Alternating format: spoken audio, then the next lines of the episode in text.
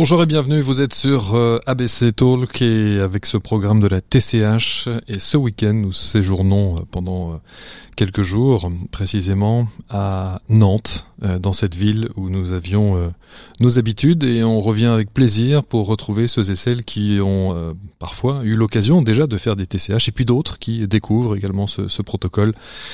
Marie euh, est avec nous. Bonjour Marie. Bonjour. Je suis très très heureux de vous accueillir euh, sur cette antenne et je suis très heureux de, de parler de vous parce que j'allais dire on connaît votre histoire. Votre histoire a bouleversé beaucoup de monde sur les réseaux sociaux puisque c'est une histoire qui a été partagée par euh, Jean-Jacques Charbonnier. On va y revenir dans quelques instants. On connaît votre histoire, hélas, au travers de, du petit Maxence. Maxence était votre petit garçon, ce petit garçon que à la demande d'ailleurs de Maxence à l'époque. Oui, tout à fait. Lorsqu'on était à l'hôpital, euh, Maxence, euh, voilà, on a brisé tous les tabous, on a parlé de vraiment de tout sans, sans crainte, sans peur, et notamment de la vie après la vie. Et euh, j'ai lu moi-même une première fois La mort accompagnée aux enfants. Maxence a découvert la couverture qui est hmm. colorée et ça l'a intrigué. Et euh, il m'a demandé de euh, lui relire, en fait, de lui lire euh, ce livre. Donc j'ai recommencé. Quel âge avait Maxence? 11 ans. 11 ans. 11 ans Alors on l'a vu en photo, hein, on l'a vu en photo puisque et alors il a demandé, c'est lui qui a demandé à, rencontrer Jean-Jacques. Oui. À la fin de de ce livre hein, qui est magique, qui nous a beaucoup aidés, Maxence m'a dit je voudrais que tu contactes ce, ce monsieur donc, euh, sachant que c'est un personnage, un docteur qui est très demandé, en fait, hein, voilà, on est passé par euh, plusieurs personnes, dont Nicole Dron, et euh, qui a eu la gentillesse, en fait, de me mettre en contact avec Monsieur Charbonnier. On était à Rennes. Oui. Hein, et à l'époque, donc effectivement, on termine la TCH. Je me souviens, Jean-Jacques prend part en voiture pour rencontrer Maxence. Euh, il y a une photo d'ailleurs où on voit, on les voit euh, tous les deux. Euh, on n'a que la photo évidemment. Comment a réagi Maxence quand il a vu Jean-Jacques? Avec grande pudeur. Maxence parlait ouvertement avec moi, mais avait peur du jugement. voilà, c'était un petit garçon qui voyait des choses, entendait des choses, et voilà. Après, le fait d'en parler à quelqu'un qu'on ne connaît pas, euh, voilà, ça peut nous mettre dans une position, on a peur du jugement ou autre. Et euh, Monsieur Charbonnier a su lui amener ça euh, mm. euh voilà, en douceur. Et mm. puis euh, la conversation s'est ouverte et les mots se sont libérés. Quand vous dites que Maxence percevait, il avait des ressentis, de l'intuition, de, de, de, de, même plus que ça? Oui, euh, alors euh, c'était un petit garçon tout à fait normal. Et euh, quand il a fait sa, sa rechute fatale, donc le 8 avril. Il avait un cancer. Hein. Oui, un cancer de l'os, un ostéosarcome. Et donc il avait métastasé au niveau du médiastin. Et arrivé vers le mois de septembre, Maxence percevait alors au début des ombres. ces ombres se sont transformées en silhouettes et il entendait régulièrement qu'on l'appelle, qu'on l'appelait. Et euh, on en a énormément parlé. Et puis euh, souvent, je l'entendais dire dans sa chambre, euh, pas maintenant, je suis pas prêt. Et jusqu'au samedi soir, en fait. où Jean-Jacques vient? Ah non, c'est le, le, samedi soir où, Alors en fait, Maxence est décédé le mardi. D'accord. Et le samedi soir, donc précédant son, son envol, Maxence a entendu des cloches. Donc moi je ne connaissais pas du tout, alors autant voilà, mais alors les cloches je ne connaissais pas du tout que j'ai pu découvrir après dans le livre de Raymond Moody d'ailleurs, mm. qui l'explique très bien.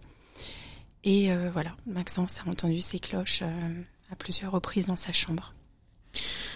Donc Jean-Jacques va le voir. Euh, on voit d'ailleurs qu'il sur la photo, il est tout content hein, d'être d'être à ses côtés, Maxence. Jean-Jacques revient, il est bouleversé par cette rencontre et il la partage sur les réseaux sociaux, sur sa page Facebook. Évidemment, il y a une avalanche de témoignages, beaucoup de gens hein, qui décident de soutenir Maxence. Il a su ce soutien, Maxence? Oui, bien sûr, il était euh, très participatif, même euh, à son compte sur Facebook. Hein. On choisissait les photos, on, voilà. Hmm. Et puis, euh, on a eu beaucoup de témoignages sur les gens qui ont fait des EMI. Et du coup, ça a porté Maxence sur justement sur l'après, comme quoi, oui, il y a quelque chose après.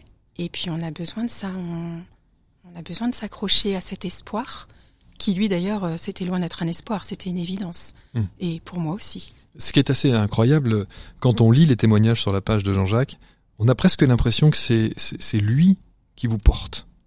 Complètement. Plus que vous. Complètement. Oui. On a été euh, ce que j'appellerais un vaste communicant. Quand moi j'allais pas bien, il allait me porter et vice versa. Mais il mettait plus de coups de pied aux fesses à moi mmh. que moi je lui en mettais. Ouais ouais, c'était un petit bonhomme. Euh, oh là là, il avait son caractère, il savait tant mieux, il savait ce qu'il voulait. 11 ans, c'est un, euh, jeune garçon. Et c'était un jeune garçon, tout à mmh. fait. Mmh. Mais euh, jamais une plainte, jamais une crainte, jamais, jamais. Et puis, ben voilà, c'est lui qui, qui m'a amené aussi sur sur ce chemin où euh, euh, il a fallu parler de, de, de, de la mort, parce que c'est pas évident de parler de la mort à son enfant, et surtout de lui dire que la maladie a gagné. Et quand euh, la parole s'est libérée, en fait, c'est lui qui, en fait, qui m'a porté là-dedans.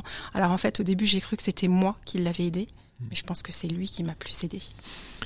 Comment est-ce que vous avez réussi à mettre des mots justement pour lui dire, pour lui faire comprendre que le voyage, enfin en tout cas que la maladie avait gagné?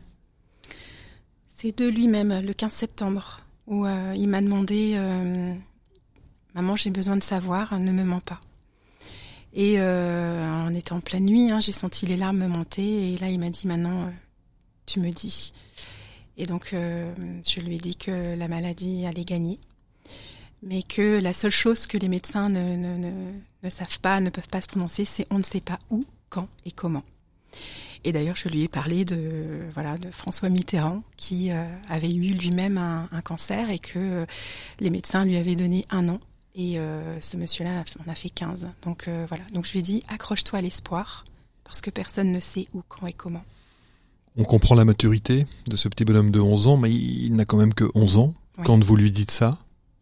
On est effondré, on pleure, on serre dans les bras. Et il me dit, allez, hop, maintenant t'arrêtes, on va pas finir ma fin de vie où on va faire que de pleurer, donc euh, on va vivre à fond. Et donc il a fallu vivre à fond. Ça veut dire quoi, vivre à fond? Profiter.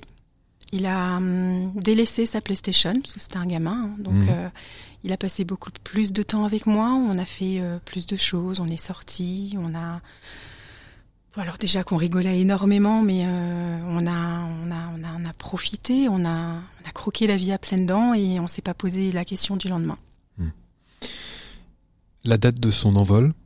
Le 23 novembre. 23 novembre. Euh, on se souvient évidemment du message qui a été posté hein, sur les réseaux sociaux peu de temps après euh, la visite de Jean-Jacques. Oui. on a vu aussi les réactions extrêmement touchantes hein, de cette communauté euh, qui a été bouleversée par, euh, par les images, le soutien. Un mot sur le soutien. Quand il arrive évidemment un drame comme celui-ci, il n'y a pas pire, je pense, que la disparition d'un enfant. Euh, vous avez sentenu, vous avez entendu, en tout cas ressenti ce soutien comme ça collégial de, de, toute cette communauté? Oui, bien sûr, j'ai ressenti tout ça, hein, mais on est dans une phase où on est tellement au plus bas que hum, on le perçoit pas sur le moment. Hmm. C'est tellement difficile, euh, voilà, de voir le dernier souffle de son enfant que euh, on le perçoit pas de suite. C'est après. Il vous demande de vous battre. Hein? Oui. Oui. Il vous demande de continuer le combat. J'ai pas le droit de lâcher. Et hmm, il me dit que j'ai deux autres enfants et que je dois vivre pour eux et que j'ai le droit au bonheur. Ce sont ses, petits frères et sœurs? Sa sœur de 17 ans, Maëlys. Ah, grande sœur. Et son petit frère Menzo de 5 ans. D'accord. Et quand il dit euh, il faut continuer le combat, euh, c'est quoi? Sur sur la, la, recherche sur le cancer C'est oui, quel est votre investissement alors? Parce que Maxence s'est très vite rendu compte que euh, le cancer pédiatrique, le cancer pédiatrique, faut savoir que ce n'est pas le même que le cancer de l'adulte, pardon, et que le cancer pédiatrique, il n'y a pas de recherche. Les enfants ont la chimio des adultes. Et, euh, euh, les enfants n'ont pas euh, cancer de la prostate, le cancer du sein, ça n'a rien à voir. Et puis, surtout qu'il évolue complètement différemment, puisque les cellules se régénèrent beaucoup plus vite chez l'enfant. Et dans l'ostéosarcome, donc le sarcome, donc la tumeur solide, alors là, il n'y a rien. Il n'y a rien. Et Maxence s'en est très vite rendu compte que, bah voilà, il était tombé sur le mauvais, le mauvais cancer et puis euh, c'était la faute à pas de chance. Il a vu mon investissement et puis euh, quand il est tombé malade, il avait 8 ans et à 8 ans, quand on voit les copains euh, souffrir, mourir, c'est pas juste et ça forge un caractère. Et Maxence, on a créé une association au début qui était pour sa prothèse et à la suite de ça, évidemment on a changé les, on va changer les statuts de notre asso qui ira pour la recherche contre l'ostéosarcome. Et Maxence tout de suite m'a dit, euh, le bordel, maman. Hmm. Il faut que ça bouge et plus jamais d'autres Maxence parce qu'il y a les autres. Il y a moi, mais il y a les autres. Et Maxence, c'était un enfant qui était euh, qui était loin d'être égoïste, hein, euh, justement, hein, qui pensait beaucoup, beaucoup, beaucoup aux autres. Hmm. C'est un beau message, c'est un beau combat, mais alors quelle responsabilité? Je sais pas si c'est une responsabilité, je pense que c'est une béquille qui me permet de pas couler aussi. Et on peut le comprendre évidemment.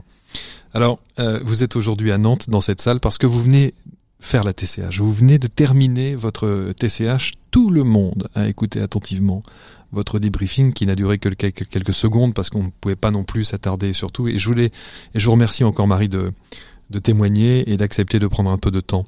Euh, vous n'aviez jamais fait de TCH avant Absolument pas du tout. C'était ma première. C'était votre première. Est-ce que euh, c'était une évidence, un désir, un souhait absolu après le départ de Maxime? Maxence, pardon Non, c'était pas un désir. Euh, c'était pas une évidence non plus. Euh, c'était, euh, je ne crois pas au hasard. La première fois que j'ai rencontré Monsieur Charbonnier, c'était dix jours avant l'envol de Maxence. Il était sur Rennes. Et puis euh, il y a eu cette dame, du coup, à une précédente TCH, hein, qui a eu un, message sur Maxence. Mmh. Et il se trouve que Monsieur Charbonnier, donc c'est un message qu'on m'a relayé il y a dix jours de ça, et il se trouve que Monsieur Charbonnier était en Bretagne, à une heure et demie de chez moi. Donc, euh, donc voilà, je me suis dit, ben, faut venir. Faut venir. Mmh. C'est. Vous avez de l'appréhension à vivre l'expérience? Non, du tout. Je suis venue les mains dans les poches. Je me suis pas mis la pression et puis je me suis dit, euh, si ça fonctionne, tant mieux. Et puis s'il y a rien, c'est qu'il n'est pas prêt et euh, ce sera pour plus tard. Hmm. Vous vous installez donc dans ce transat. Euh, on a eu la pression, hein, nous je vous cache pas. On l'a à chaque fois pour chaque participant, mais là on s'est dit si elle vient, si elle fait cette démarche-là, elle vient de loin, quand même une heure et demie de, de, de route, c'est pas quand même à côté.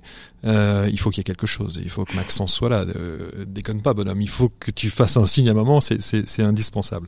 Euh, quels sont les, les premiers ressentis que vous avez de votre TCH j'ai été complètement chamboulée. Euh, je crois que je suis la première à être sortie pour aller me rincer le visage. Euh, c'est un chamboulement euh, total. Et puis, on se pose la question après si, bon voilà, c'est de l'hypnose. Est-ce que je l'ai imaginé? Est-ce que et en fait, non, c'est non. Je, je, sais que c'est pas. Est-ce que c'est mon mental? Est-ce que c'est moi qui, qui relaie l'information et donc l'image? Ouais, tout à on fait. On peut se poser la question. Et non, non, parce que on, sait faire la différence entre un rêve et, on, et, un rêve qui nous paraît étrange. Voilà. Et j'appellerais ça plutôt un rêve étrange parce que j'avais cette sensation d'être euh, d'être là et de le sentir. Donc il est là. Donc il est là. Quand vous dites le, le ressentir, il n'y a pas de visualisation? Si. Ah, vous le voyez? Je le vois et je le touche. Et vous le touchez? Oui. Ah oui. Comment est-ce que vous le voyez? Est-ce qu'il est en forme? Est-ce qu'il est... Il court, il a ses deux jambes. C'est la première chose qu'il me dit. Il arrive en courant vers moi. Et à ses côtés, euh, il y a notre chien euh, qu'on a perdu au mois d'août, juste avant lui. Euh, c'était notre bébé. Mmh. c'était un bulldog français qui s'appelait Josette. Et Josette est avec lui. Et il arrive en courant. Voilà, avec son frère Mathilin, puisque j'ai perdu un, un, enfant à la naissance en 2008. Et ils sont tous les deux et euh, ils sont complètement différents. D'ailleurs, je découvre euh, la frustration finalement d'avoir connu un bébé en 2008, mais de, de ne pas avoir euh, d'image de lui euh, aujourd'hui à présent. Mmh.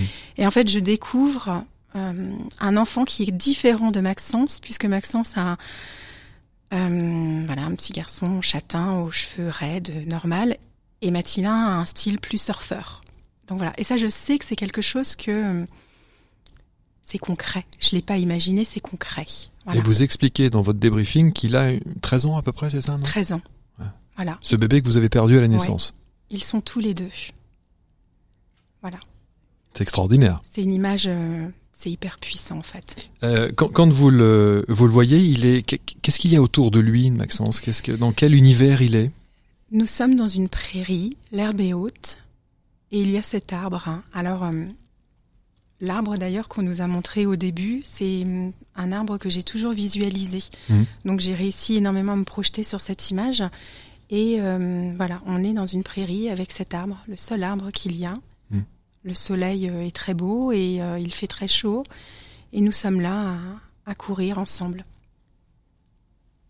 Et donc, il y a Maxence et son petit, son grand frère pour le coup. Son grand frère, oui. Mmh. Après arrive euh, ma grand-mère euh, paternelle. Il n'y a pas d'échange, mais je sais qu'elle est là. Je la vois, je la visualise. Et euh, Maxence vous parle? Oui, Maxence me parle. Qu'est-ce qu'il vous dit? Maxence me dit déjà, regarde, j'ai mes deux jambes. Je cours. Et il y a cet amour j'arrive pas à le décrire. Je sens, euh, c'est la puissance en fait, la puissance de l'amour. Je le sens en fait, je le sens. Et après, on passe à d'autres niveaux, à d'autres visualisations, et là, on, se retrouve après dans un endroit où euh, on est euh, entouré que d'enfants. Il y a plein d'enfants qui jouent ensemble. Est-ce que ça a un rapport avec les, les suggestions que propose Jean-Jacques dans son, dans son protocole, ou est-ce que vous êtes à l'opposé de, de, non, de, ça je suis complètement à l'opposé. Parce qu'au final, euh, j'étais complètement euh, déconnectée de ce que Monsieur Charbonnier disait. Mais euh, j'entendais sa voix qui me, qui me berçait, en fait. Mmh, hein. mmh. Mais j'étais complètement à l'opposé et moi, j'étais dans, dans, bah, dans ce que moi, je devais vivre. Mmh. Et, et, donc, du coup, quand on se retrouve entouré d'enfants, Monsieur Charbonnier n'en parle pas du tout. Il y a cette petite fille euh, qui a 5-6 ans, qui est présente, euh, qui joue. Et Maxence me dit, euh, regarde, elle va arriver, pas tout de suite, mais elle va arriver. Et je sais pas pourquoi, je lui dis, c'est ta sœur. Et il me dit, oui, mais ne culpabilise pas, je la connais déjà. Et d'ailleurs, c'est un, c'était une des conversations que j'avais pu avoir avec Maxence. Il m'avait demandé si voilà, si il aurait pu avoir d'autres frères et sœurs euh, lorsqu'il serait parti. Et euh, moi, je lui avais dit, euh, non, non, je ne me vois pas redevenir maman. J'aurais beaucoup de mal de savoir que, voilà, on parle de toi et tout en sachant que cet enfant-là ne te connaisse pas. Et voilà. Et aujourd'hui, voilà, j'entends. Ben alors, je, voilà. Le bébé n'est pas prévu. Hein. Pardonnez-moi, j'allais vous poser la question. J'allais vraiment vous poser cette question. Je, je suis très honnêtement, j'ai pas j'ai pas connu Maxence juste au travers des écrits de Jean-Jacques et, des photos qui ont été partagées sur les sur les réseaux. Ça a évidemment bouleversé tout le monde, mais je suis obligé de vous poser cette question-là. Il y a des gens qui vont dire cette maman est tellement dans dans dans la douleur d'avoir perdu son petit garçon que est-ce que euh, elle n'est pas en train de, de voilà de, de, de s'imaginer tout ce monde? Pardon, hein, je suis obligé de, de, vous poser cette question parce qu'il y a des gens qui vont s'interroger là-dessus. Alors absolument pas. On ne remplace pas un enfant par un autre. Maxence, c'est Maxence. Euh... Et le bébé n'est pas prévu parce que voilà, c'est tout frais et puis euh... et puis ben euh, je vais sur mes 39 quoi. Est-ce que ça vous ça vous choque? Non, ça me choque pas. Ça vous donne de l'espoir? Euh, Oui, je me dis euh, qui vivra verra. Donc euh, on verra, je vous dirai. Alors vous vous rendez compte que vous faites une TCH, euh, évidemment toujours dans l'espoir de rencontrer Maxence. Il est là. Vous le voyez, euh, voilà, tout guilleret en train de courir avec son petit frère. il vous annonce que vous aurez sans doute peut-être un, un second, enfin un autre enfant, une petite fille en l'occurrence, puisqu'il parle de de sa petite sœur. Euh, c'est quand même une TCH puissante et bouleversante. Hein. J'ai été bouleversée. Ah, hein. C'est clair. Ouais, j'ai été bouleversée hein, complètement. Il m'a parlé aussi de, de livres. Euh, il faut que je fasse ces livres. Euh, en tant qu'auteur? Oui. Mmh. J'avais commencé à écrire euh, l'histoire de Maxence, qu'il va falloir euh, qu'il va falloir que je termine. Mhm. Euh, C'était un petit peu en stand-by parce que voilà, c'est difficile de se remettre euh, dans le côté de la fin de vie. Mhm. Et puis. Ça fait partie de la mission que vous vous êtes donnée? tout à fait, complètement. Hmm. Et puis il m'a, il m'avait demandé d'écrire après hmm. un livre sur les messages qu'il qu'il m'enverrait. On était vraiment très très très ouverts. Il y avait zéro tabou. Hmm. Et euh, est-ce que depuis son départ, vous l'avez ressenti?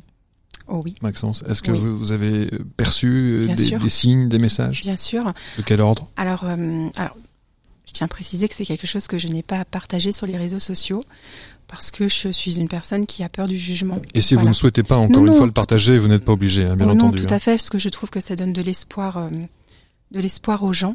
Mm. et que c'est important de, bah, c'est important d'en parler. Euh. Mm. Euh, on a eu beaucoup de, on a eu beaucoup de messages euh, la semaine qui a suivi le, le départ de Maxence. Mm.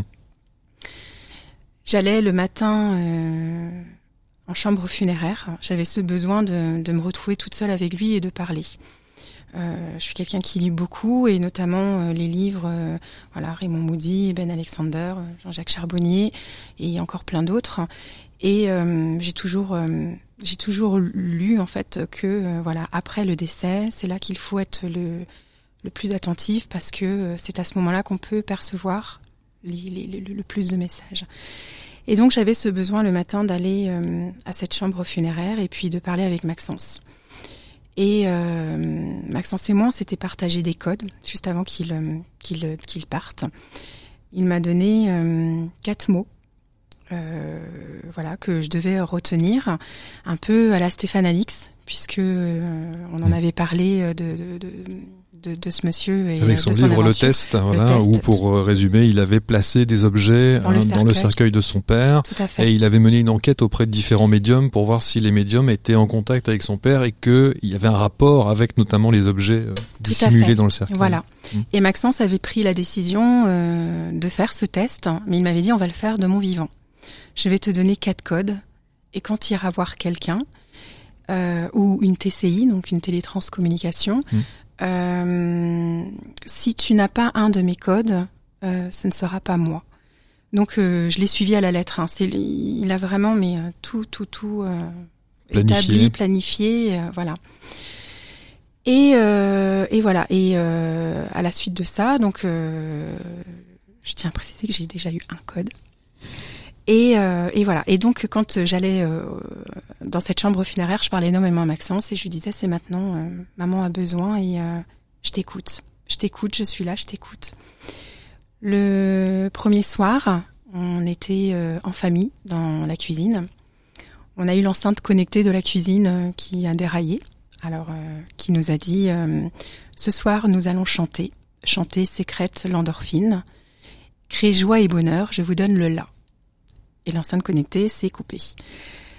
On était tout, vraiment tous en famille. Mon papa me dit euh, bon, c'est l'informatique, euh, ça peut déconner. Mm. Dans le fond, j'avais envie d'y croire et puis euh, je me suis dit ben zut, j'ai un doute. Le lendemain, je suis repartie à nouveau au funérarium et puis je parle à Maxence en lui disant ben je suis persuadée que c'est toi, mais papy m'a mis le doute. Je te demande beaucoup, mais j'ai besoin d'encore avoir un autre signe pour vraiment m'accrocher parce que j'ai besoin de ça pour pas couler.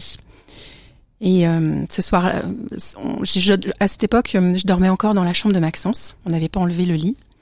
Et donc, je dormais avec mon conjoint et Menzo, mon petit garçon. Et à 5 heures du matin, la télé de Maxence s'est allumée. Et j'ai demandé à mon conjoint si la télécommande était dans le lit. Elle ne l'était pas. Jérôme m'a dit, bon, bah, ça a peut-être déconné. Est-ce que c'est un des quatre signes que vous aviez avec Maxence? Du tout. Non. Du tout. Et euh, j'étais euh, en colère parce que euh, il me remet, Jérôme me remettait un doute. Mais là, c'était pas. Enfin voilà, j'ai dormi quatre ans avec Maxence, la télé ne s'est jamais allumée, donc. Euh, mais voilà, j'avais quand même ce doute. Je me suis dit bon ben zut. En retournant au funérarium, ben voilà, j'explique ça à Maxence. Je lui parlais comme si il était à côté de moi, il était là de toute façon. Hmm. Et euh, je rentre le soir à la maison, je prends ma douche et là c'est l'enceinte connectée dans ma salle de bain qui s'allume et ça me met sa chanson Big Flo et Oli dommage. Voilà, sans rien demander. Je tiens à préciser que euh, avec Alexa, il y a l'application. Je suis allée sur l'application et euh, tout ce qui s'est passé, il n'y euh, a aucune demande des sons qui ont été émis euh, de l'enceinte. Il n'y a aucune demande de nos parts. Oui, parce que pour les enceintes connectées, ceux qui ne connaissent pas le principe, c'est qu'il faut faire une demande vocale. C'est ça. Hein, pour accéder, pour que la, la, l'enceinte délivre Tout à le morceau ou le programme que vous avez envie d'écouter. Tout à fait. Et, la demande n'a pas été faite. Et la demande n'a pas été faite. Hmm. Donc là, vous vous retrouvez dans la douche à rire et à pleurer parce que parce que c'est fort et, euh, et ça fait du bien. Et puis euh, l'hommage de Maxence s'est déroulé, on a fait un lâcher de ballon et euh, le lendemain du lâcher de ballon, on se retrouve à nouveau en famille parce que ça s'est toujours passé avec du monde. Et euh, dans la cuisine, euh, on a euh, l'enceinte connectée qui se remet en route toute seule. C'est son truc, hein, l'enceinte connectée, hein, apparemment. C'est son truc. Et là, elle nous met une comptine qu'on que je ne connais euh, ni d'Adam ni d'Ève, hein, et euh, en plein milieu. Donc, euh, normalement, une musique commence à, à ses débuts. Hein, et là, c'est en plein milieu. Et là, elle nous chante Ballon, ballon rond, monte jusqu'au plafond. Ballon, ballon rond, monte jusqu'au ciel. Ballon, ballon rond, tu as disparu, je ne te reverrai plus. Et elle se coupe. Voilà. Et mes enceintes connectées n'ont plus jamais déraillé depuis ce jour. Voilà. Alors. Je suis encore sous l'émotion, toi aussi. C'est tellement fort, j'imagine euh, que ça a dû vous. Alors il y a Jean-Jacques qui vient de. Hmm. Pardon. Je vous trouve euh, particulièrement courageuse.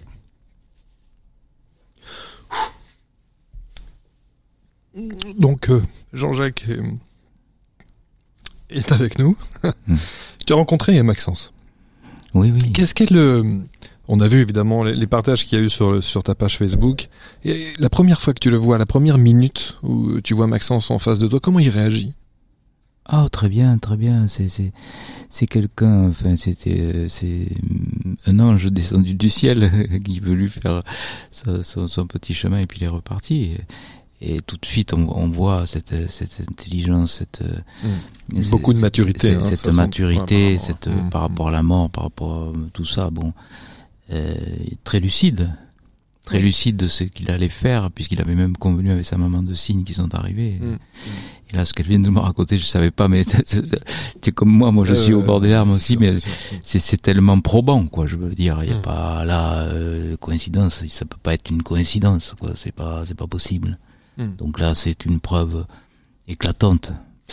Et, j'espère que ce livre vraiment euh, sortira euh, et fera euh, son chemin parce que que vous allez écrire. En tout cas, moi, je, je, ferai tout pour hmm. pour qu'il soit publié. On le relaiera, bien sûr. On le relaiera chez chez Guy Daniel parce que c'est c'est c'est vraiment une c'est mieux que le test. C'est mieux que le test, hmm. même, parce que pour que la chanson arrive comme ça, que sur une enceinte connectée, mm. qu'il y a personne qui l'ait commandé, que ça arrive pile poil au moment où les ballons s'élèvent dans le ciel, mm. je veux dire, euh, qu'est-ce qu'il faut de plus, quoi? Euh, Est-ce que Marie, on peut connaître les quatre signes euh, qu'il, qu'il, Est-ce qu'on a le droit de vous poser cette question? Du tout. D'accord. Et non, et non. D'accord. Personne ne sait. Hein. Personne ne sait. Oui, non, bien sûr, parce qu'il avait même dit euh, mm. le samedi, il avait dit, il m'avait, euh, on était avec ma maman et il m'avait dit, tu donneras les signes à mamie, euh, comme ça, on aura les mêmes je n'ai pas donné à ma mère. Eh oui, d'accord. Donc vous êtes là. Mais oui, c'est tout l'intérêt. oui, c'est tout l'intérêt. Mais maintenant, quel... voilà, j'ai envie de savoir. Et eh oui. Évidemment, ouais, évidemment. Comme ça, quand ils arrivent, elle est sûre que c'est que c'est bien lui. Quoi. c'est ça. Tellement peur que le secret se, se rompe et puis ce serait euh, éclater tous mes espoirs. Tout. Ah oui, oui, absolument. Donc, euh, donc non, c'est à moi. Mais je dirais quand j'aurai eu les quatre. Il y en a eu un déjà. Il y en a eu un. En très peu de temps. Alors celui-là, je peux le dire. C'est quelque chose d'improbable. Hein. On a eu en TCI on a eu le mot flamant rose. Voilà. Et c'est quelque ah, chose. Ah, c'était le flamant rose. Flamant rose. Et c'est quelque. Alors, c'est vraiment des noms. Euh, comme je dis, ça peut être des paysages, des noms, mmh, des chiffres. voilà, c'est quelque chose. Mmh. Et on a eu flamant rose. Mmh. Voilà. Est-ce que tu te souviens, Jean-Jacques, euh, quand tu quittes Maxence, qu'est-ce que vous dites? On, s'est regardé. Il n'y a pas eu besoin de parler on s'est regardé, on savait que c'était qu'on se qu'on se reverrait plus sur le plan terrestre, mmh. c'est sûr. Mmh. Et il y avait cette émotion dans le regard, effectivement. Euh, je me suis dit, voilà, il va s'envoler, c'était sûr qu'il partait de toute façon, et que probablement je le reverrai plus, et euh, on n'est jamais sûr de ça. Et ça m'a rappelé un petit peu l'expérience que j'ai eue avec Jean Morzel, euh, je ne sais pas si tu connais cet expérienceur, peut-être il oui. Euh, oui. Nous on le connaît, mais euh, il faut peut-être rappeler qui, qui, qui, était Jean Morzel. Jean Morzel, c'était un expérienceur qui avait vécu une expérience de mort imminente, provisoire, lors d'un accident pendant juste avant la guerre, et il, il avait reçu un coup de fusil dans la poitrine. Et il avait eu une expérience euh, assez euh, probante parce que quand il était sur le sur le billard et qu'il a fait cet arrêt euh, cardiaque, il est, il, il, est sorti de son corps et il a vu sous la table une plaque et, qui a pu être reconnue après. Et donc c'est pour ça que on l'appelait l'homme à la plaque. Bon. Et quelques jours avant sa mort, je vais le voir puisqu'il était en soins palliatifs et il avait un cancer invasif de la prostate. Il savait qu'il allait mourir. Et euh, alors, on avait fait des conférences ensemble. Moi, je parlais des NDE et lui, c'était l'expérienceur. Et il euh, témoignait de son expérience. Et puis moi, je faisais le côté scientifique un petit peu de dans la conférence. Et euh, quand juste avant que je parte, juste avant de le quitter, j'ai dit alors maintenant, tu peux me le dire. Tu as peur ou pas? Il me regarde comme ça, il me dit mais t'es con quoi. et puis on a rigolé, on s'est pris dans les bois. Et puis on est parti. Enfin je suis parti et puis je savais que j'allais pas le revoir, mais lui mm. aussi. Mais on est parti dans la joie quoi. On s'est séparés dans la joie. Et il y avait avec Maxence, il y avait un petit peu de ça dans le regard. Il y avait une espèce de complicité, d'un air de dire euh, oui euh, maintenant euh, je sais bien où je vais quoi. Et, et toi tu le sais presque comme s'il me tutoyait dans le regard. Je sentais ça, mm. quoi. C'était très, très, très intime en fait. Il y avait cette réflexion du regard et on n'a même pas eu besoin de parler. On s'est regardé, je me, souviens. Et puis c'était quelqu'un qui était très entouré. Euh, hum, hum. euh, il y avait du monde, oui. Tu remarquable. Euh, la, la, la, qualité de, de, cette fin de vie est exceptionnelle. Euh, si tous les enfants pouvaient connaître la même chose, ce serait magnifique. Je crois qu'il s'est envolé dans d'excellentes conditions entouré de d'amour euh, et, et maintenant il, il, il, rend il rend cet amour qu'il a qu'il a qu'il a reçu c'est magnifique. Avant de recevoir Marie sa maman qui est venue faire donc cette TCH à Rennes à, à Nantes, on a déjà eu euh, un témoignage d'une personne qui mmh. était venue en TCH et qui avait ressenti Maxence. Alors, on va être très franc. On s'est posé la question de savoir. On a tellement publié sur Maxence. On a, Jean-Jacques a, mmh. a, tellement mis des choses sur son Facebook que on s'est posé la question de savoir si ça ne pouvait pas influencer hmm. euh, certaines personnes. Mais c'était quand même assez précis le témoignage de, de, de la dame, puisqu'elle ne connaissait pas apparemment ce, ce petit Maxence. Non, mais c'était suffisamment imprécis euh, justement pour euh, écarter cette ce doute. Ce, ce doute parce qu'elle aurait dit oui je je vois un petit garçon amputé d'une jambe machin. Tiens on aurait dit celle-là peut-être elle a elle a vu sur les non c'était suffisamment imprécis. C'était euh, un enfant l'âge à peu près de Maxence et euh, qui était là à côté et puis qui est le, truc de super héros ah, super héros super héros et ça c'était son truc super héros parce que tout le monde appelait super héros c'est vrai c'est super héros la fin de vie de super héros quoi mmh. euh, et, et, et, et c'était euh, euh, alors, il y, a ce truc avec les lunettes aussi. Il a parlé de, lunettes. Et euh, en fait, euh, je crois que Marie, la maman, a eu aussi en TCI quelque chose avec les lunettes. donc ça, concordait quoi. Alors c'est le premier message que j'ai eu en TCI de Maxence, le, tout premier mot. J'ai une amie très proche, hein, Laurence, qui est de Normandie et qui pratique la TCI, quelqu'un de très fiable et très très humaine. Et le premier mot que j'ai eu de Maxence, c'est mes lunettes. Voilà. Et quand cette dame euh, parle des lunettes de Maxence, ça m'a intriguée. En TCH. En TCH, mmh. voilà. Et euh, Maxence, euh, à, sa TC, à ma TCH aujourd'hui, avait ses lunettes. Voilà, il avait ses lunettes. Il faut savoir que ma maman a été très perturbée. C'est voilà des fois on est perturbé euh, on s'accroche à des petites choses qui n'ont peu d'importance parce que Maxence est parti sans ses lunettes. Voilà. Et euh, moi j'ai dit à ma maman mais là où il en a pas besoin. Et, euh, et puis j'avais cette envie de garder voilà ses lunettes mmh. parce que c'était quelque chose qu'il portait en permanence Et donc voilà. Donc je n'ai pas été étonnée d'entendre en TCI et en TCH mes lunettes. Maxence nous dit tout simplement, bah oui, il a ses lunettes. Comme quoi il avait perçu le fait qu'on n'y avait pas mis ses lunettes et voulait sûrement par ce biais. Donc la dame en TCH, elle ne connaissait pas cette histoire. Non, bah, des lunettes. ça s'invente pas. Hein. Quand c'est quand même une TCH extrêmement riche. Hein. Euh, c'est une première et c'est quand même euh, vous avez ressenti, perçu, vu, euh, vous le voyez très très bien ce petit Maxence avec son son petit frère. Qu'est-ce que vous allez faire de toutes ces informations là maintenant? Je les note dans un cahier. Et tout ce que je perçois et tout ce qu'on a pu vivre jusqu'à présent à la maison, tout est noté. Et le moment voulu, j'écrirai. Parce que si ça peut donner euh, un peu d'espoir et euh, parce qu'on a besoin de cet espoir, euh, je pense que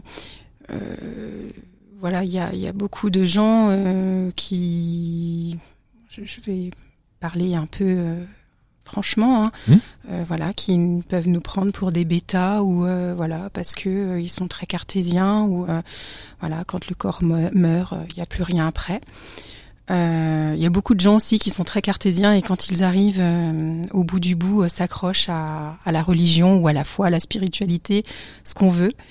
à chacun sa, sa spiritualité. La nôtre, elle était comme ça. On, on, ça nous a aidé, ça m'aide. Donc si ça peut aider d'autres d'autres parents, d'autres d'autres adultes ou mm. voilà, oui, on a vécu des choses. Non, je ne suis pas folle. Oui, on, on les a vécues en famille.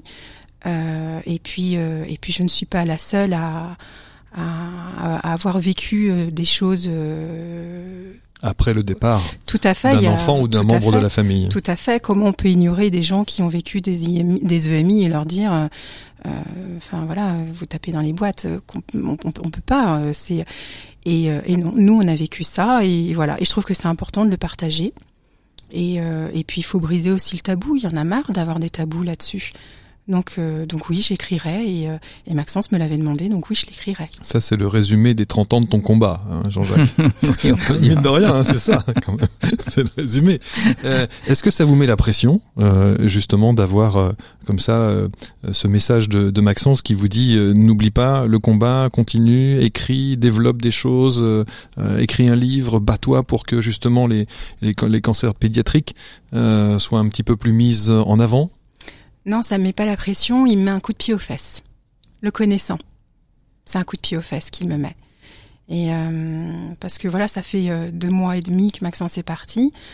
Euh, vous savez, la phase de deuil, c'est compliqué. la première phase, on est dans le déni, et puis je réalise seulement maintenant que c'est fini. Je le verrai plus, et enfin physiquement. Euh, voilà, la matière manque, ses joues me manquent, ses, ses blagues, ses engueulades, tout me manque. Bah, les blagues, ça va continuer, je vous rassure. Oh, oui, parce que c'était un sacré. Hein. Et, euh, et d'ailleurs, euh, tout au début de votre TCH, quand on entend le chant des baleines, mmh. je tiens à dire que moi, j'ai pris 45 kilos avec la maladie de Maxence. C'est comme ça, voilà. Et on avait des petits surnoms et Maxence m'appelait la, la, baleine. Donc du coup, quand j'ai entendu euh, le chant des baleines, j'ai tout de suite été euh, balancée dans, dans ma TCH, mais euh, c'est du poids que je perdrais. Hein. c'est ça qui est extraordinaire. Euh, Maxence est parti il y a deux mois et demi. Vous avez vu comme, de quelle manière vous en parlez? Alors, qu'est-ce qui vous, qu'est-ce qui vous maintient comme ça euh, hors de l'eau Il y a d'autres enfants, évidemment. il a il a une grande sœur et, un petit frère. Donc la vie continue, bien entendu. Mais qu'est-ce qui, euh, qu'est-ce qui vous maintient encore hors de l'eau? Vous disiez pour ne pas sombrer tout à l'heure. C'était vos mots d'ailleurs. Oh, des fois on met le masque. Hein. C'est le soir le plus dur quand tout s'arrête, tout euh, voilà, il y a, y, y a, plus de vie, tout le monde dort. Là, c'est plus compliqué euh, parce que le soir, on rumine et puis euh, on retrace un peu sa vie passée. Mais mais voilà, c'était un petit garçon qui était tellement dans la joie et puis fallait se battre, fallait rien lâcher, fallait. je me dis, j'ai pas le droit moi d'abandonner et puis et puis puis je lui ai fait promettre hmm. de, de, de de pas lâcher, de rien abandonner. Donc, euh, et puis j'ai pas envie, surtout, de penser à Maxence en pleurant. Euh, évidemment, il y a, voilà, il y a des images de Maxence qui sont très dures parce que c'est très frais, notamment le dernier souffle. Mais euh, j'ai pas envie de penser à Maxence en pleurant parce que Maxence c'était pas ça. D'ailleurs, euh, la dernière fois qu'il m'a vu pleurer, il m'a dit euh, arrête de pleurer, tu vas sécher. Ce sont ses mots. Donc je me dis j'ai pas envie de. C'est pas représentatif du tout de Maxence. Donc je me fais violence. Dans les quelques heures parfois ou quelques jours avant le, départ, que ce soit un enfant, que ce soit personne, un adulte, euh, on dit souvent que euh, certaines entités viennent les chercher et que justement euh, celui qui va partir, celui ou celle qui, qui, va partir, perçoit, voit, entend et, demande même à ce qu'on vienne le chercher. Est-ce que ça a été le cas pour, pour Maxence? Est-ce qu'il il vous a fait comprendre qu'il y avait... La semaine, pas le, pas le soir même, la semaine qui a précédé son envol, il voyait beaucoup d'ombres et il entendait constamment. On l'appelait. Et, euh, et puis, euh, donc, il y a eu le samedi, euh, avec, les voilà, avec les cloches, mmh. les cloches qu'il a entendues. Et dans la nuit, il y a eu une phase d'agitation où il se débattait, euh, il criait non. Enfin voilà, je, il voulait pas partir.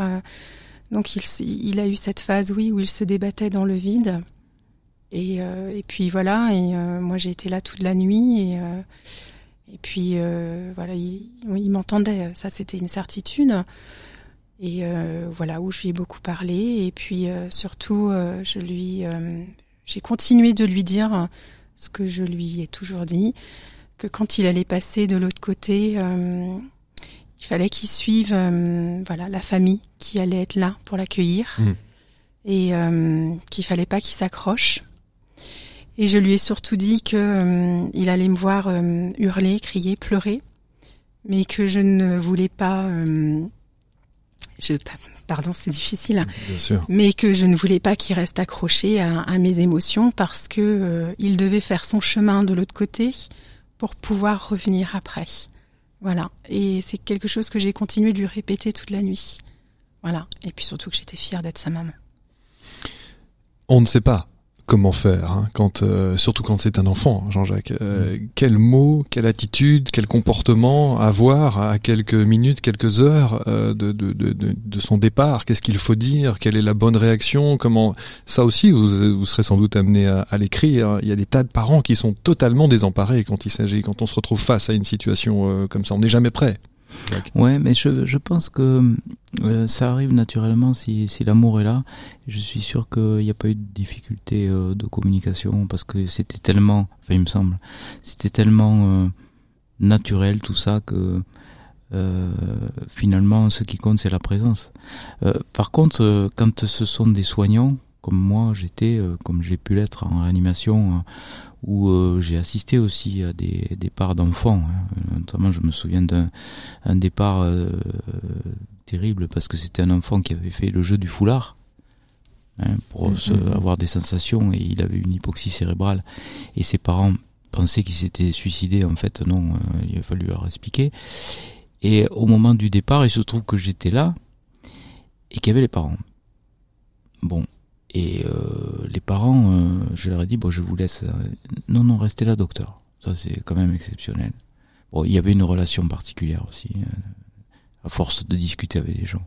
Et puis bon, moi j'ai une ouverture assez spéciale, donc ils, voulaient que je reste là.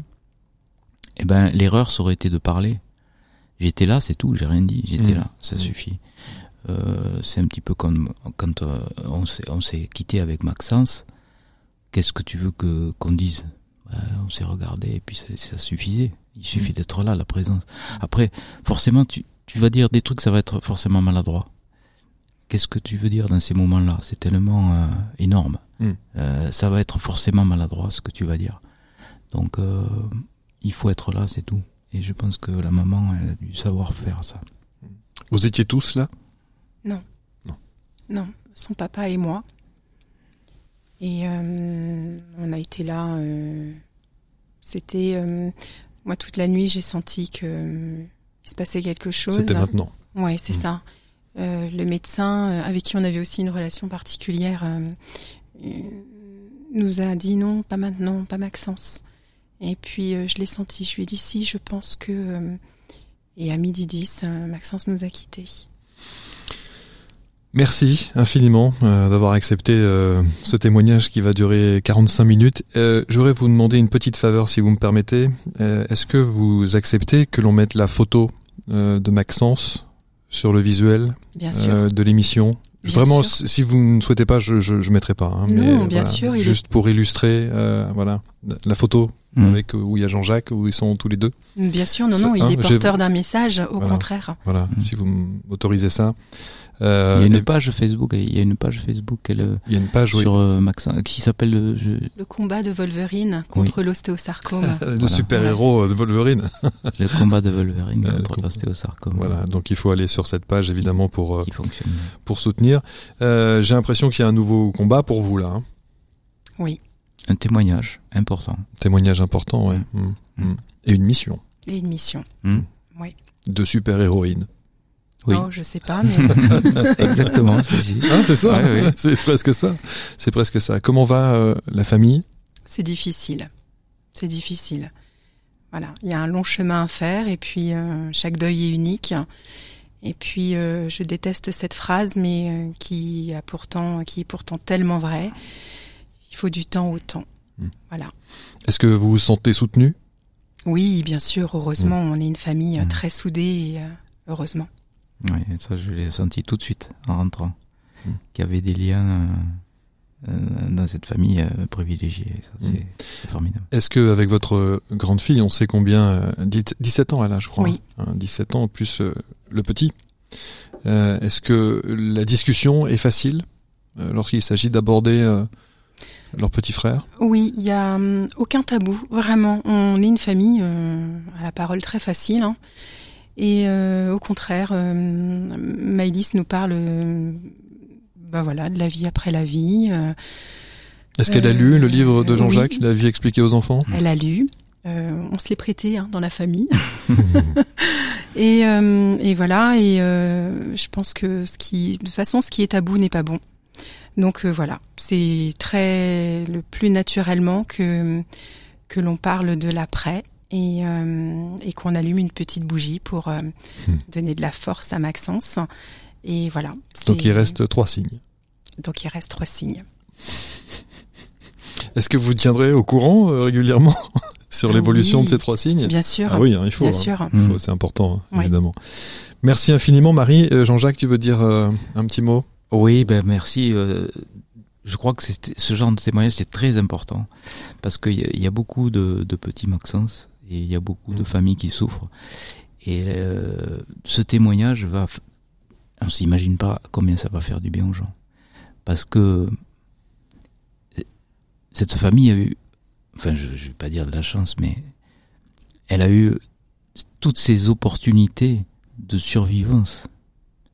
Et là, quand on a des signes aussi précis que ça, waouh, qu'est-ce que ça fait du bien. Quoi. En même temps, c'est une famille de super-héros. Donc, euh, comme Maxence est un super-héros, euh, il a ce potentiel, ce pouvoir-là. donc, c'est ça qui est extraordinaire. Comment douter après ça? Après oui, ce qu'elle nous a raconté, comment douter? C'est pas possible.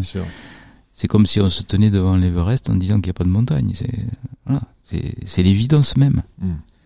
Donc, merci. Merci à vous.